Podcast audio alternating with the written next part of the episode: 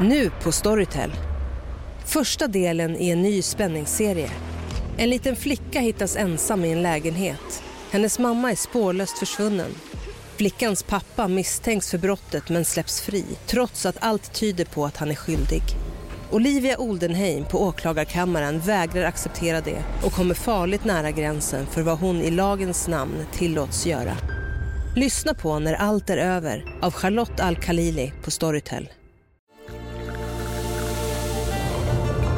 Välkommen till Maccafé på utvalda McDonalds restauranger med Baristakaffe till rimligt pris. Vad sägs om en latte eller cappuccino för bara 35 kronor? Alltid gjorda av våra utbildade baristor. Hej Sverige! Apoteket finns här för dig och alla du tycker om. Nu hittar du extra bra pris på massor av produkter hos oss. Allt för att du ska må bra. Välkommen till oss på Apoteket.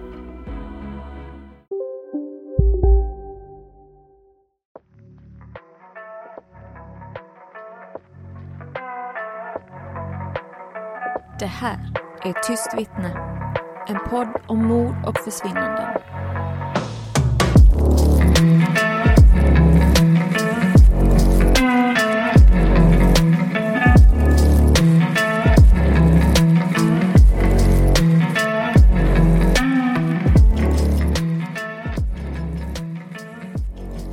Hej och välkomna till Tyst vittne. Hallå! Idag är fortsättningen på Susan Cox Powell. It's gonna be mind-blowing. Okej, jag är redo. Men vi mjukar upp dagen här. Jag måste säga att du är fabulous. Oh, Alex eh, glömde sina hörlurar. Så att hon har lånat ett par extra av mig som har glitteröron och eh, bedazzled Yes, totally my style. yes, golden sladd och Ja, ja. ja. hon ser jättesöt ut. Det kan vara så att I det kommer en bild på sociala medier. Jag är en pimp, vad ska man göra? Oj, vad vad sa du att du är en pimp? ja. Okej. Du hörde bara inte när jag sa det första gången. Nej. Well, I feel fab. Hur är Anyway. läget? Ja, eh, det är okej. Jag håller på att flytta just så att jag är helt förstörd för tillfället. Mm. Jag ska ju göra det mesta själv som vanligt och eh, då eh, blir det mycket att göra. Mm. Så om jag somnar mitt under inspelningen, Det kommer du inte göra tror man inte i detta fallet. jag kommer inte göra det, men om jag gäspar Mm. så vet ni varför. Ja. Och jag ska tillägga att hör ni fågelkvitter i bakgrunden så är det för att där är fåglar. Nej, Jo, it's crazy. true. Jag kunde inte få in dem i buren. Nej. Varje gång vi ska spela in så börjar Jenny med att jaga fåglar medan jag sitter och liksom, Mm. ja, ja, lyssnar på dig Ja. när du försöker och... Ja, jag svär och sånt. Eh, men jag försöker liksom under hela dagen se om de går in liksom. Ja. Och då så stänger jag i så fall, men uh, not today. Ska vi börja? Kör. Det är bra med mig, tack för att du frågar. Oj, oh my god! Worst friend ever! Anywho. Hur är det med dig? Det är bra. Vi, spelar, vi, vi, vi klipper bort det här. Så frågar jag dig hur du mår. Men det är bra med dig. Jag ser det här. Det är bra med mig, I guess. Guess. En liten recap på förra avsnittet. Susan, hennes man Josh, deras två barn. Han hade massa familjemedlemmar. Hans pappa blev besatt av Susan. Susan försvinner. Just det, det var så det var. Ja, de Mm. begav sig ut och campade mitt i natten, Just det. sa han. Mm, Josh. Just det, det var det som var så himla märkligt att han tog en tvååring och en fyraåring ut och campa klockan. 12 på natten Ja, i december. i december. Och samtidigt då så ska den här äh, mamma Susan då, Mm. hon var enligt honom hemma när de gick. Ja. Hon Och nu är skulle hon jobba och hon bara okej, ta mina barn ut i natten. Campa, absolut. Ja, och tillägga där är ju att eh, vad jag förstod det som så gör Josh aldrig någonting hemma. Han Nej. hjälper inte till, han städar Mm. inte, han passar Mm. inte barnen, han fixar Mm. ingenting. Det är hon som gör allt. Mm. Och alltså är det hon som fostrar barnen. Ja. Och ändå så går hon med på att Ja. han... Men lyssna på avsnitt ett. Yes. Så ni hänger med för att eh, det är mycket som händer. Vi sätter igång. Så dagen efter då, den 6 december eh, så ses eh, Joshua och eh, polisen då för en intervju till. Och de hade avtalat en tid han skulle komma. Och klockan tickar, ingen Joshua dyker upp förrän fyra timmar senare än vad han skulle komma. Och detta var för att han städa och tvätta hemma. Jag undrar vad han städar. Mhm. Exakt, vad tvättade han bort? Yes. Och det gjorde han ju aldrig annars för att sånt höll inte han på med. Nej. Eh, och under den här intervjun då när han till sist dök upp så sa han att Susan troligtvis hade lämnat honom för en annan man. Men det sa han först efter utredaren hade gett honom olika förslag på vad som kunde ha hänt. Men det är Eh, också, förlåt mig, ja. men alltså de utredarna, seriöst. Mm. Alltså du ska ju inte ge dem, alltså du ska ju I know. Det är helt otroligt att man ger en person en förslag på saker som kan ha hänt. Låt den personen prata fritt. Mm. Och låt det sen sänka dem. Eh, Den här är ju inspelad, denna intervjun de håller. Och han bara sitter typ i ett hörn. Han säger typ ingenting. Så han, eh, utredaren säger ju liksom vad, vad kan ha hänt? Hade ni problem? Träffade hon någon annan? Alltså typ så. Mhm. Han bara, ja men det är nog så att Mhm. hon har stuckit med någon annan. De har lite annorlunda intervjumetoder i vissa delar av USA känns det som. Ja, men just det här att de försöker dra ut saker. Ja, det, det är är inte fel. ovanligt faktiskt att de lägger Nej. fram en version till Ja. den misstänkte för att få ut någonting Exakt. av dem. Mm. De gjorde det med han Chris, vet han som dödade sina två barn och sin Oh gravida fru. God, ja. Där gjorde de ju det, så där sa de ju Mm. till honom, för han ville inte berätta vad de var. Nej. Och tiden var ju ändå, knappt trodde de, Mm. man visste ju inte att de var döda. Nej. Och då gav de honom en version, Mm. typ kan det vara hon som har skadat barnen och du blir arg på ja, henne? exakt. Och då sa han Då att det var så det var. Mm. och sen hittade de, Mm. ja. Josh sa då som sagt att eh, de hade campat och kommit hem och då hade han ringt henne för att säga att vi är tillbaka och hon hade ju inte svarat. Så det var hans förklaring liksom. Okej.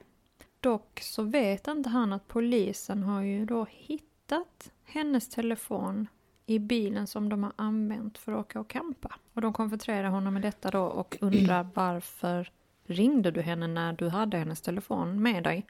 Och det var den här, du vet Motorola Razer som var så populär innan. Sån flapphone, flip-phone, flip, Aha, ja. flipphone. Ja. I den cerisrosa, så den var rosa.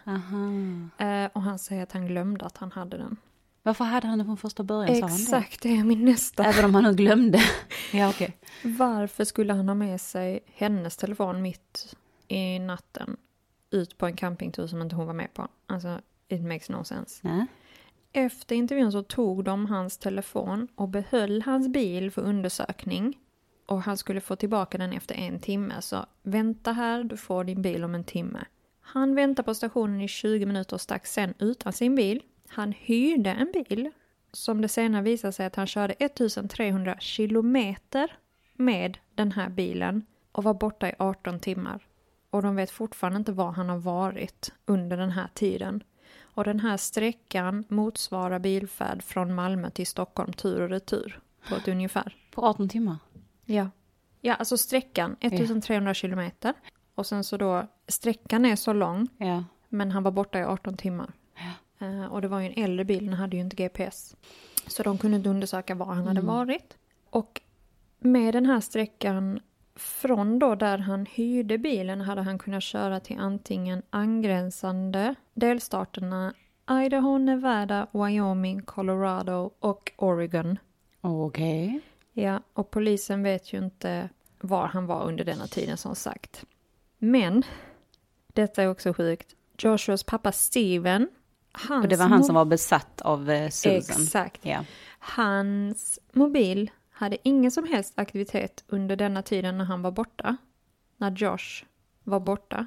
Och Josh telefon som polisen hade i sitt förvar visade inte heller någon aktivitet. Och då kan man tänka sig så här att om sonens fru försvinner, puts väck liksom, brukar man inte då hålla kontakten? Alltså man ringer ju bara så här, shit har du hört någonting från Susan, var är hon? Vi möts där, vi letar där och där. Alltså de hade liksom noll aktivitet Men alltså hade de noll sinsemellan. sinsemellan? Mm. Så att det var inte så att de hade noll aktivitet rent, alltså mot allt och alla? Nej, sinsemellan. Okej. Mm. Men här är det då så att under den här perioden så har de blivit vänner igen. Exakt. För de hade liksom en Ja, fallout exakt. tidigare. Ja. Men nu är de liksom, Ja. de är Alltså, buddies. förlåt. Va? Alex har som sagt öron på sina hörlurar så det är lite svårt att titta på henne. Jag ser mig i spegeln här. Fabulous. So Yes. fancy. Eh, jag ska också tillägga här att under min undersökning här så fick jag också veta då att vid polisens undersökning av själva hemmet så hittade de små, små bloddroppar på golvet bredvid soffan. Den här som var rengjord där fläktarna var riktade mot. Och det är oklart då när de här dropparna hittades i förhållande till förundersökningens start. Utan jag vet bara att de hade hittat det, men jag vet inte när det var. Det Okej. framgår inte. Eh, barnen då, Charlie och Braden, de blev intervjuade eh, hos polisen då. Och Charlie som var fyra år, han sa att alla var och campa, men mamma följde inte med hem. Mm. Ungefär som jag tänker att det antagligen har varit med tanke på allt du berättar. En vecka efter Susans försvinnande så slutade Josh prata om hela grejen. Han skaffar en advokat som för hans talan och han försöker hålla sig undan. Han blir dock haffad utanför sin syster Jennifers hus av en reporter. Reporter? En reporter. som sätter lite press på honom med sina frågor. Han lämnar jättekonstiga svar. Och han visar inga som helst tecken på att han är orolig för henne. Han För att han vet att hon är död. Exakt. Han säger bland annat, jag vet inte var jag ska börja leta. Oj. Du? Han vet inte var jag ska börja så han skiter i Där det. du grävde en grop sist. Exakt. Leta där. Och så kan man undra då, vad kan mer hända i denna historien? Men det kan jag berätta för dig nu. Okej, så det kan hända mer. Ja, alltså... Mm. Dagen efter Susan försvann så körde Josh ena bror, Mike, och hans syster, Alina, till Utah för att vara med Joshua och barnen i den här svåra stunden. Då, Ja. för att Susan hade försvunnit. Eh, och då blir det ju alltså då den sjunde eller åttonde december beroende på, för hon försvann ju Någon gång på natten. där, natten va? till den sjunde. Så Ja. vad jag förstår det som så var det den 8 december de kom dit. De stannade till den 22 december. Sen begav de sig hemåt på samma sätt som de kom dit och det var i Mikes bil. Och när de kommer halvvägs så får de problem med bilen och istället för att få den lagad på en verkstad så får han den bärgad till en bilskrot i motsatt riktning hemåt. Och han sålde bilen till den här skroten. Och det kan man ju göra liksom. Men efter detta så framkom det då att Michael beställde satellitbilder över bilskroten. Och detta tror man då var för att försäkra sig om att bilen hade blivit skrotad. Polisen hittar bilen på skroten och undersökte den med hundar tränade för att upptäcka mänskliga kvarlevor och de markerar i bagageutrymmet. Tester gjorda då i det här utrymmet visade dock inte tillräckligt för att kunna knytas till Susans försvinnande. Men det är ju ganska så intressant, eh, alltså just att de kommer dit för att stötta honom i den här svåra stunden. Och sen när de åker därifrån så går bilen i sönder och de Mm. bär den i motsatt riktning istället Ja. för att laga den. Nu vet jag inte hur gammal bilen kanske var liksom i skrot. Den kanske skulle skrotas, men Ja. och sen att hundarna faktiskt markerar. Det är ju så många saker som klaffar rätt. Mm, exakt. Att det är skrämmande. Ja, det känns som att det mest logiska i detta är ju att de har flyttat Precis. antingen klädesplagg eller henne själv till en annan location. Och... När han är iväg de 18 timmarna, Ja. är de med? Är det då de är med eller är det innan? Nej, det är innan. Jag förstår det som att han, kom, han skulle komma dagen efter på det här mötet. Mm, men då var han hemma och städade. För att Det Jennifer kom dit. Hem Okej. till honom. Han var där och städade och tvättade. På riktigt. Och sen, Så det är den sjunde då. Exakt. Och då kommer de den Mm, åttonde. de måste ju... Du, tänk så de möts på vägen. Det vet vi Mm. inte, det har inte framkommit. Nej.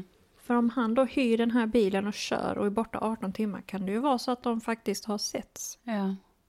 Hur det än är så tänker jag att på, på ett eller annat sätt så får jag känslan av att de har flyttat hennes kropp Mm.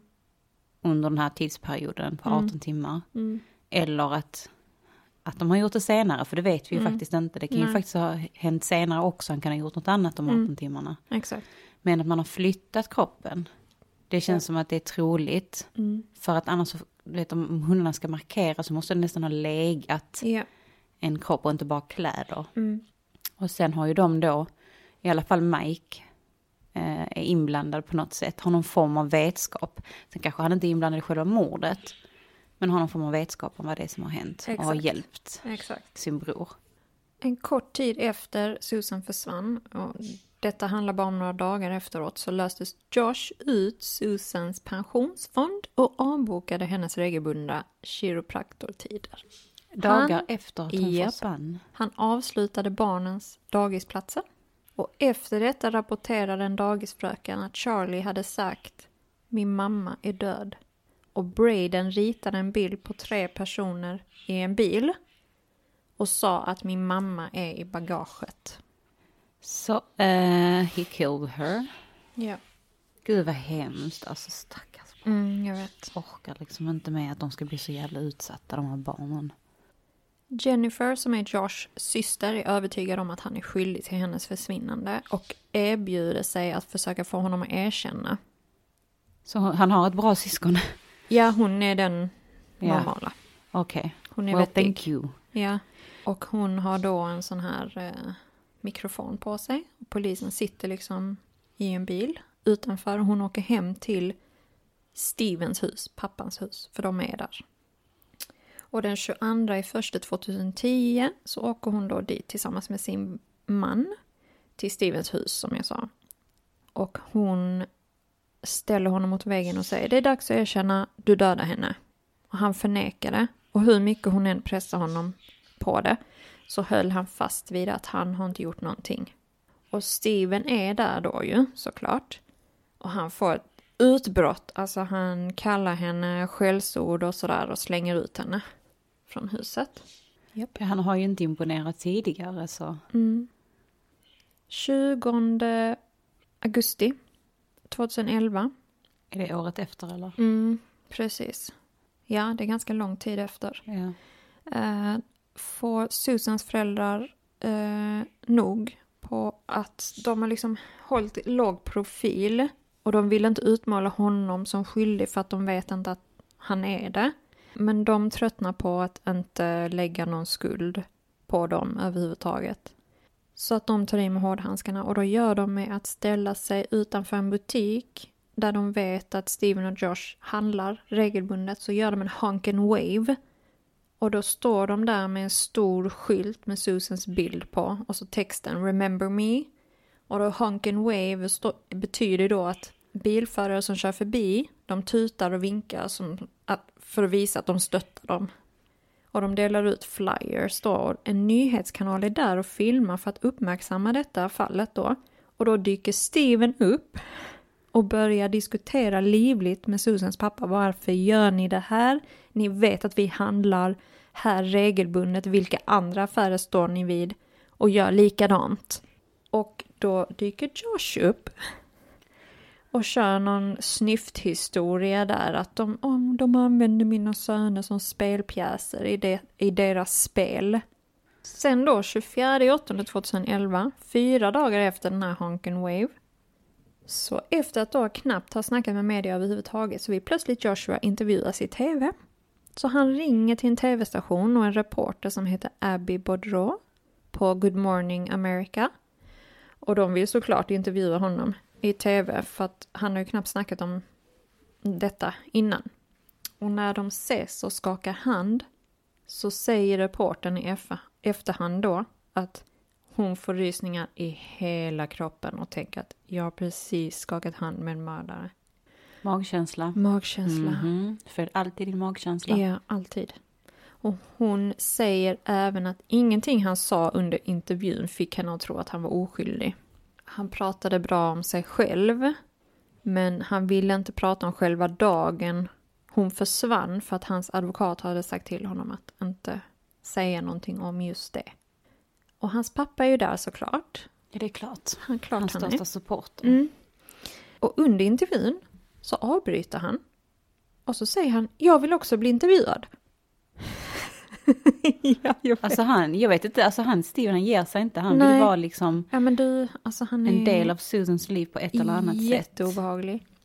Och det är ju sjukt märkligt. Och hon var inte intresserad av detta. Hon bara, I don't care, jag vill Ja. inte intervjua dig. Men han bara pressade på och till sist så satte de sig ner. Och då sa han att Susan försvann med en annan man. Varför skulle hon göra det? För att hon var sexuell med mig för att hon gillade det. Jag gillade, säger han och så ler han. Vad är det som-. Vad är det som händer? Ja. Alltså hur kan han säga, alltså han säger det här i en intervju. Ja. När hans son är där. Ja. Och han pratar om ett exempel på det här beteendet att när de var på en utflykt med sönerna så höll han det ena barnet då i famnen och hon kom över då till honom för att ta över och istället för att ta barnet då på ett vanligt sätt inom situationstecken, vad nu det är för honom, så pressade hon sina bröst mot hans händer så han inte kunde få loss dem. Oj, Ja. Bröst av stål. bröstpressen. Ja, ja, jag vet det är ju sånt kvinnor sysslar med. Vet du vad han säger då?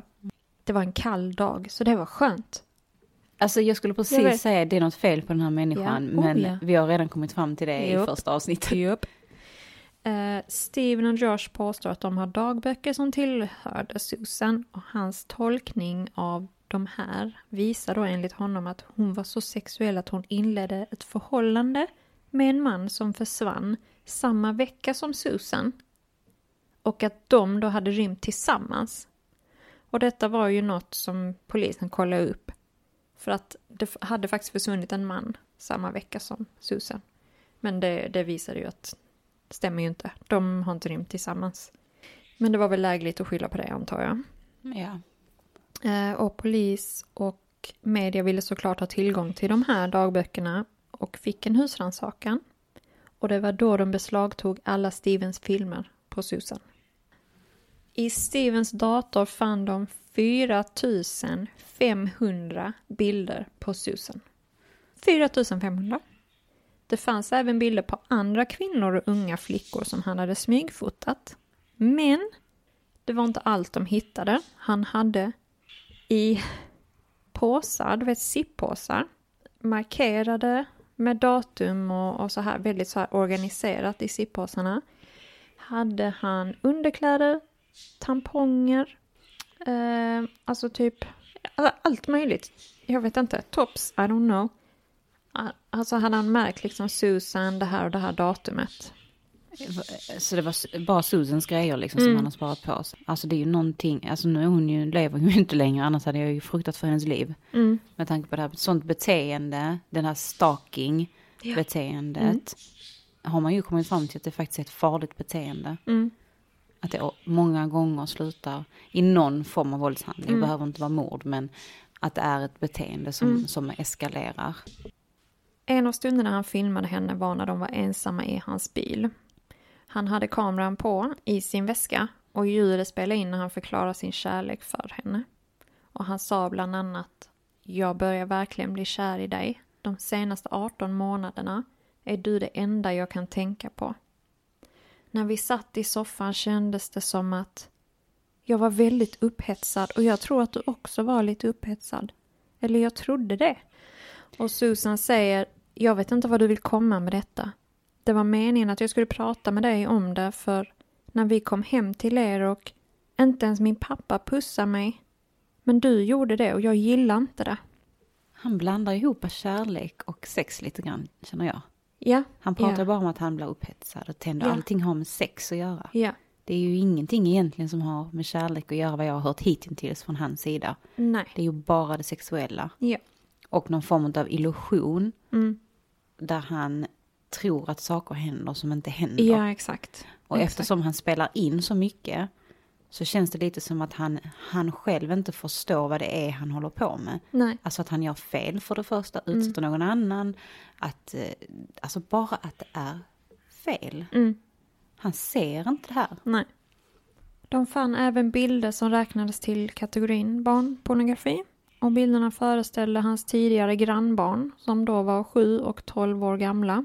Och han hade fotograferat dem. Jävla äckel. I know.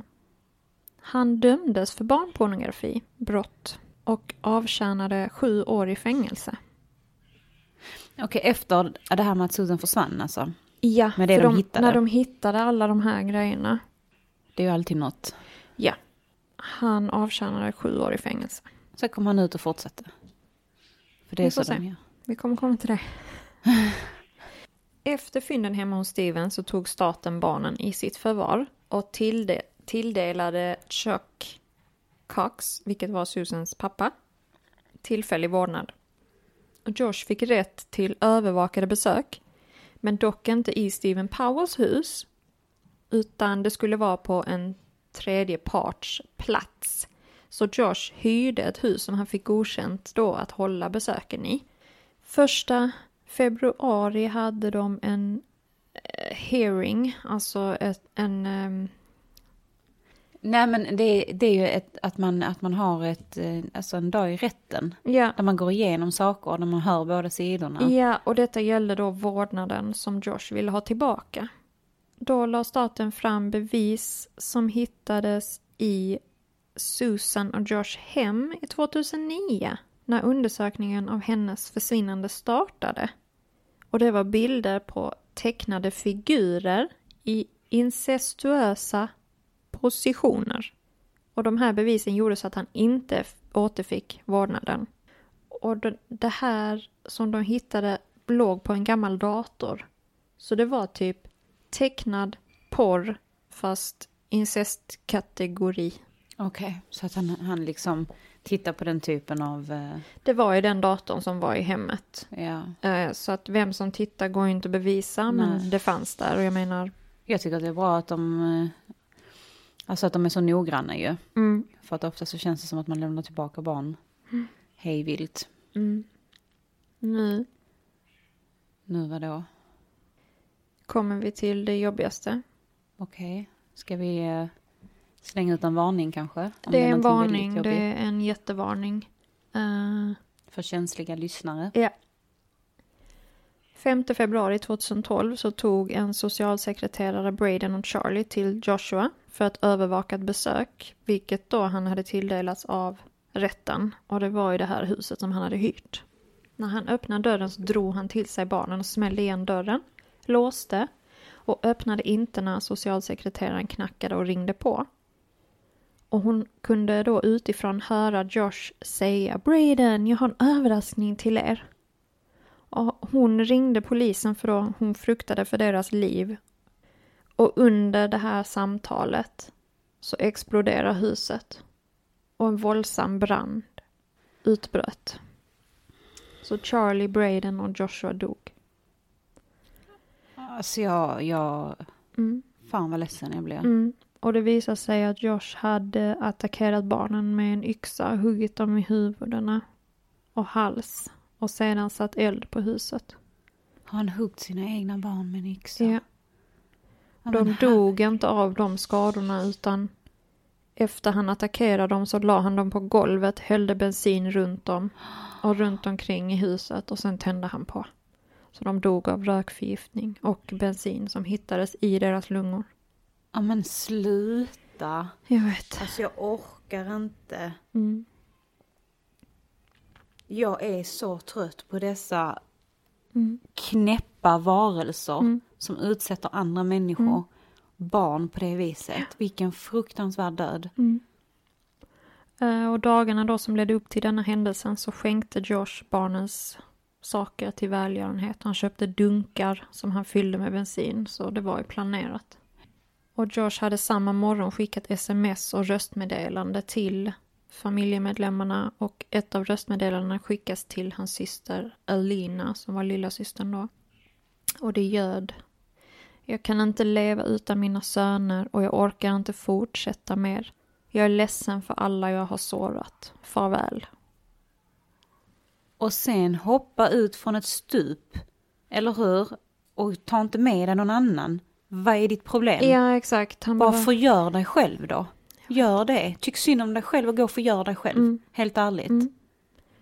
Och eh, hans pappa Steven satt ju i fängelse under denna perioden. Ja, men han kan också hoppa från ett jävla stup. I know. Och han meddelades då vad som hade hänt men han eh, visade inte någon särskild reaktion. Så under en deposition i oktober 2012 rörande en tvist om Josh livförsäkring så framkom det att Josh och hans bror Michael hade skapat en fake-profil på Facebook som hette Molly Hunt. Och de hade gjort den här profilen i syfte med att gå med i en grupp som hade då skapats i syfte för att eftersökningen av Susans kropp. Så att gruppen var ju då ett försök till att hitta Susan. Men bröderna då skapade en fake-profil under ett namn och de ville ju avleda möjliga diskussioner angående Joshuas inblandning i fallet. Och deras sista inloggning på denna profil var den 22 januari 2012, två veckor innan branden. Som spionerar på en Facebookgrupp där Mm. som handlar om att hitta Susan. Mm. Och så försökte de dessutom påverka människor Mm. där till Mm. att tycka annorlunda. Alltså hur mycket bevis behöver man? Mike, Ja. Michael, han kan också hoppa från ett stup. Bye. Han har hoppat någonstans ifrån för att han hade förhörts flera gånger under utredningen av Susans försvinnande på grund av hans märkliga beteende och agerande med tanke på bilen han lämnade på skroten och polisen hade hela tiden trott att han var inblandad. Så i februari 2013 begick han självmord genom att hoppa från ett parkeringsgarage. Jag tar tillbaka allt jag har sagt. Nej, det gör jag inte. Jag tar inte tillbaka någonting. Jag ska tillägga här att Steven släpptes 2017 från fängelset. Han satt ju i eh, sju år. Han dog ett år senare av hjärtproblem. Så han dog 2018. Ja, kunde han inte fortsätta utsätta folk i alla fall, för det hade han ju gjort. Varför, varför, varför? Du vet, det är en sån sak som jag liksom alltid tänker på. Han säger att jag kan inte leva utan mina barn. Mm. Så du hugger dem i huvudet med en yxa. Mm. Och halsen. Låter dem ligga på golvet och sen häller Alltså, bensin deras på dem som de sista- hittar i lungorna dessutom. Deras sista liksom upplevelse Mm. är att deras egen... Alltså du vet så här, jag... eh, Nej. Jag kan förstå att man känner att man inte kan leva utan sina barn. Jag kan förstå att det är Mm. fruktansvärt att gå igenom alltså, tvister om vårdnad oavsett vem man är och vad man har för bakgrund och så vidare. Men Mm. hur i slutändan kommer du fram till att lösningen måste ju vara om du ändå ska dö. Varför, Varför måste de andra? dö? Ja, jag vet inte. Varför kunde inte de få leva? Ja. Men det är ju också sån här jä- jäkla, du vet, grej att antagligen då att då skulle hennes släktingar fostra dem. Och det är en sån sak som kanske, Och de älskade barnen. Ja. Alltså de hade det jättebra där hos dem. Men ja. men det är ju också sån typisk grej, det är precis som när de, de ville inte att, att, om nu Susan hade levt, att hon skulle ta hand om barnen. Det Mm. hellre, hellre ska man då göra så, alltså göra så att barnen försvinner på något Ja. sätt. För att straffa väl- den personen. Ja, liksom. men precis. Det är samma sak här. Mm. Eh, Men Susans föräldrar, Chuck och Judy, de tilldelades 98,5 miljoner dollar av Washingtons socialtjänst efter att de stämt dem år 2013 på grund av Charlie och Bradens död. Efter att de la mer vikt på att barnen skulle få träffa sin pappa istället för att överväga faran som de möjligtvis och bevisligen hade utsatts för. Mm. Eh, De ansåg att detta inte skulle vara tillåtet överhuvudtaget. Såklart. En domare sänkte skadeståndet kraftigt till 32,8 miljoner dollar då han ansåg att juryn inte kunde koppla bort sina egna känslor på grund av de brutala morden på barnen. Och varför skulle de koppla bort dem ju? Det, ju, det var ju det som hände. Jag vet. Susans föräldrar de brydde, brydde sig inte om pengarna i sig utan de var besvikna på att skadeståndet sänktes då de hoppades på att det högre beloppet då skulle svida tillräckligt för dem att ändra sina rutiner så att inga andra barn skulle fara illa i framtiden. Flera frivilliggrupper har under åren sökt på ett flertal ställen efter Susans kvarlevor och i början av 2022 så hittades eh, skelettdelar i en övergiven gruva i Utah. Men det visade sig då senare att de inte tillhörde Susan. Okej, så man har inte hittat henne Nej, fortfarande? och i Utah, det är ju ett gigantiskt område. Det är jättebergigt och det är hur många gruvor övergivna gruvor som helst. Och i Washington så delar pojkarna gravplats. På gravstenen står deras namn tillsammans med Susan. Och familjen Cox motsatte sig då att familjen Powells vilja var då att begrava Joshua tillsammans med pojkarna. Och Josh mamma, Teresa, hon beslöt sig sen för att lägga ner de här försöken om att få honom begravd tillsammans med dem. Så att barnen och Susan delar grav. Joshua kremerades och det är okänt var hans aska är nu.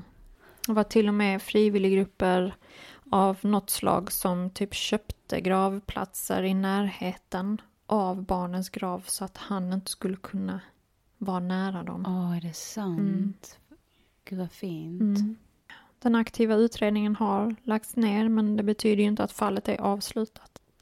Så då kan man undra om då svaren alltid är försvunna och att de här då alltid för alltid har begravts med dödsfallen av Joshua, Michael, Steven, Braden och Charlie och Susan. Susan är ju borta. Alltså jag är helt tagen. Mm. Detta är det värsta. Jag är helt, jag är helt emotionellt eh, Broken.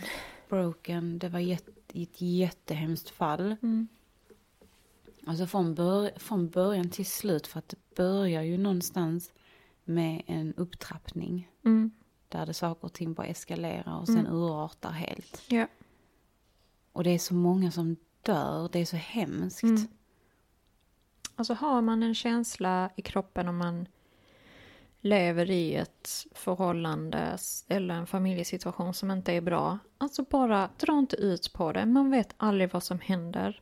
Det behöver inte hända något fruktansvärt i slutändan. Bara vet du att det inte funkar så funkar det inte. Bara lämna för att det är illa nog att man själv ska gå och må dåligt. Du mår själv bara sämre och sämre. I vissa fall händer det hemska grejer i slutändan bara för att man stannar för att Ja bla bla bla. Alltså det kan Mm. vara vilken anledning som helst. Men bara, alltså, bara se till så man själv mår bra. ja. Och det är ju aldrig, alltså det är ju aldrig den personens fel som blir utsatt för det Nej, här. eh. Det, våldet och stalking och Mm. allt det här beteendet. Det är ju aldrig den personens fel att man blir utsatt för det. Man ska aldrig ställas till, man ska ju aldrig hållas till svars, så kan man Nej. säga, för Eller vad någon annan skuld. gjort, Ja. gör mot en. Men din magkänsla har rätt. När det känns, ta det på allvar. Ja. Och det finns sidor eh, på nätet som man kan vända sig till. Mm. Det finns telefonnummer man kan ringa.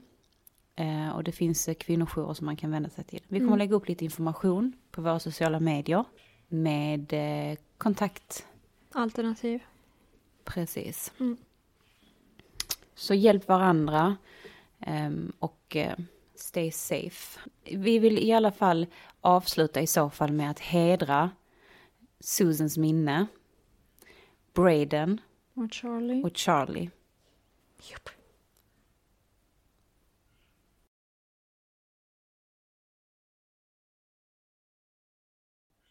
Tack för idag. Tack för idag.